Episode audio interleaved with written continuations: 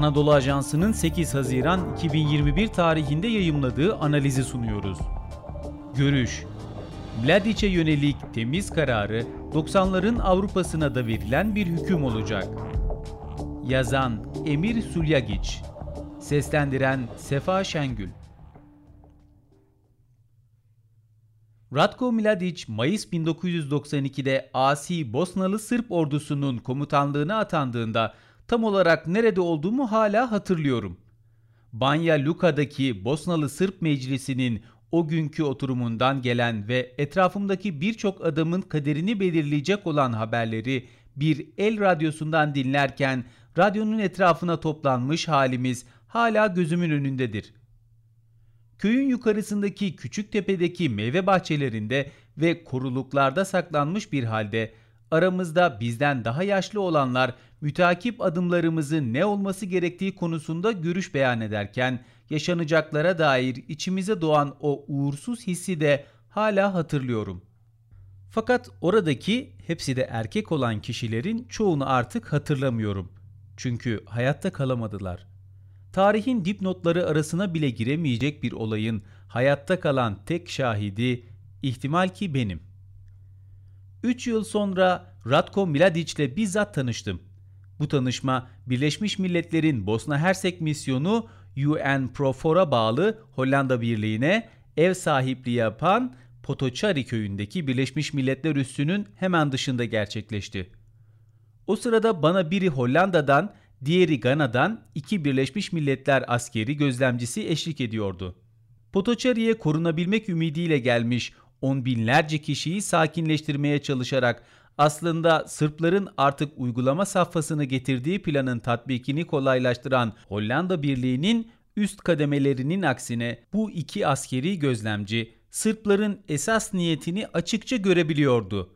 Yetişkin erkekleri ve erkek çocuklarını tek tek seçip ayırmak, kadınları ve çocukları sınır dışı etmek, arada fırsattan istifade erkekleri katletmek ve kadınlara tecavüz etmek.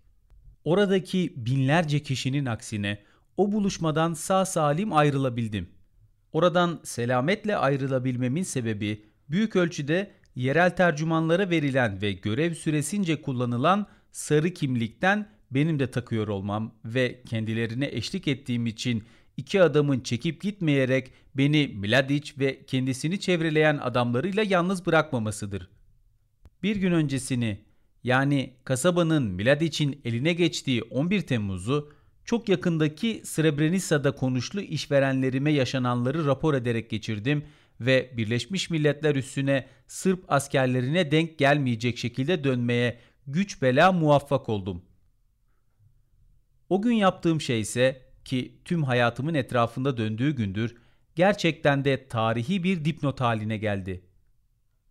Hollanda Savaş, Holokost ve Soykırım Araştırmaları Enstitüsü 2002 yılında yayımladığı milyonlarca dolara mal olan Srebrenica güvenli bir bölgenin düşüşünün yeniden inşası, arka planı, sonuçları ve analizleri başlıklı raporunda tarihle yaşadığım o önemsiz karşılaşmayı şöyle anlatıyor.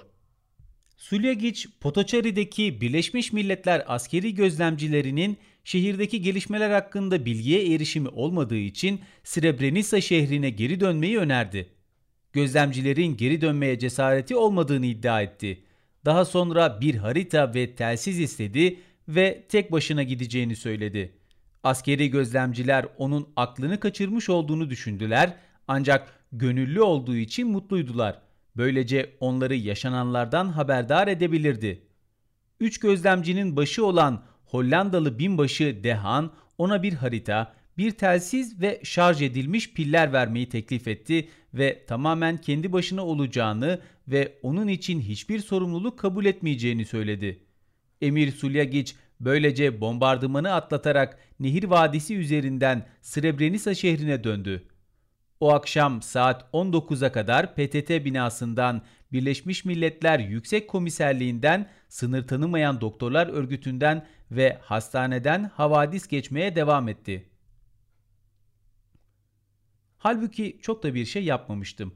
Yine de ömrüm boyunca bundan daha önemli bir şey asla yapamam. Srebrenica'daki Hollandalı askerlerin bakışlarını olan bitenlerden kaçırması bir yana, bütün dünya o nokta itibarıyla tam 3 yıldan fazla bir süredir Bosna'yı görmezden gelmekteydi zaten. Nitekim dillere destan uluslararası toplum, Birleşmiş Milletler Güvenlik Konseyi üzerinden Eylül 1991'de 713 sayılı kararı kabul ederek ve böylece silah ambargosu uygulayarak Bosna Hersek'teki toplu katliamların faillerine çok mühim bir avantaj sağladı. Ambargo Bosna Hersek ve Hırvatistan'da uygulanacak olan Sırp Milliyetçi Projesi'nin lehine silah bakımından ezici bir dengesizlik sağladı. Uluslararası toplum, özellikle de Birleşmiş Milletler Güvenlik Konseyi Bosna Hersek'i önce tanıyarak ardından da Birleşmiş Milletler Sözleşmesi'nin 51. maddesinde öngörülen meşru müdafaa hakkını elinden alarak yaşanan şiddetin devam etmesinin zeminini oluşturdu ve böylece giderek derinleşen düşmanlıklar üretti. İki yıldan kısa bir süre sonra aynı kurum bir itibar kurtarma jesti olarak bizzat kendisinin toplu katliamlar için temel olarak gereken savunmasızlığı oluşturan silah üstünlüğünü sağladığı insanlar tarafından eski Yugoslavya'da işlenen vahim uluslararası insani hukuk ihlalleri meselesini ele almak için bir Birleşmiş Milletler Mahkemesi kurdu. Birleşmiş Milletler yaşananlara rağmen ve Srebrenica'nın düşmesinden sonra dahi bu ambargoyu kaldırmayı reddetti. Ratko Mladić'e bu konuda verilecek temyiz kararı bir dönemin boynuna asılacak bir hüküm de olacaktır. Ratko Mladić hayatının en önemli bölümünü insanlardan bir şey çalarak geçirdi. O insanlardan sevdiği insanları çalarak. Fakat Mladić gittiğinde hayatının en meşhur eseri bizimle kalacak ve gerçek bir yüzleşme ve hesaplaşma gerçekleşene kadar geleceği zehirlemeye devam edecek.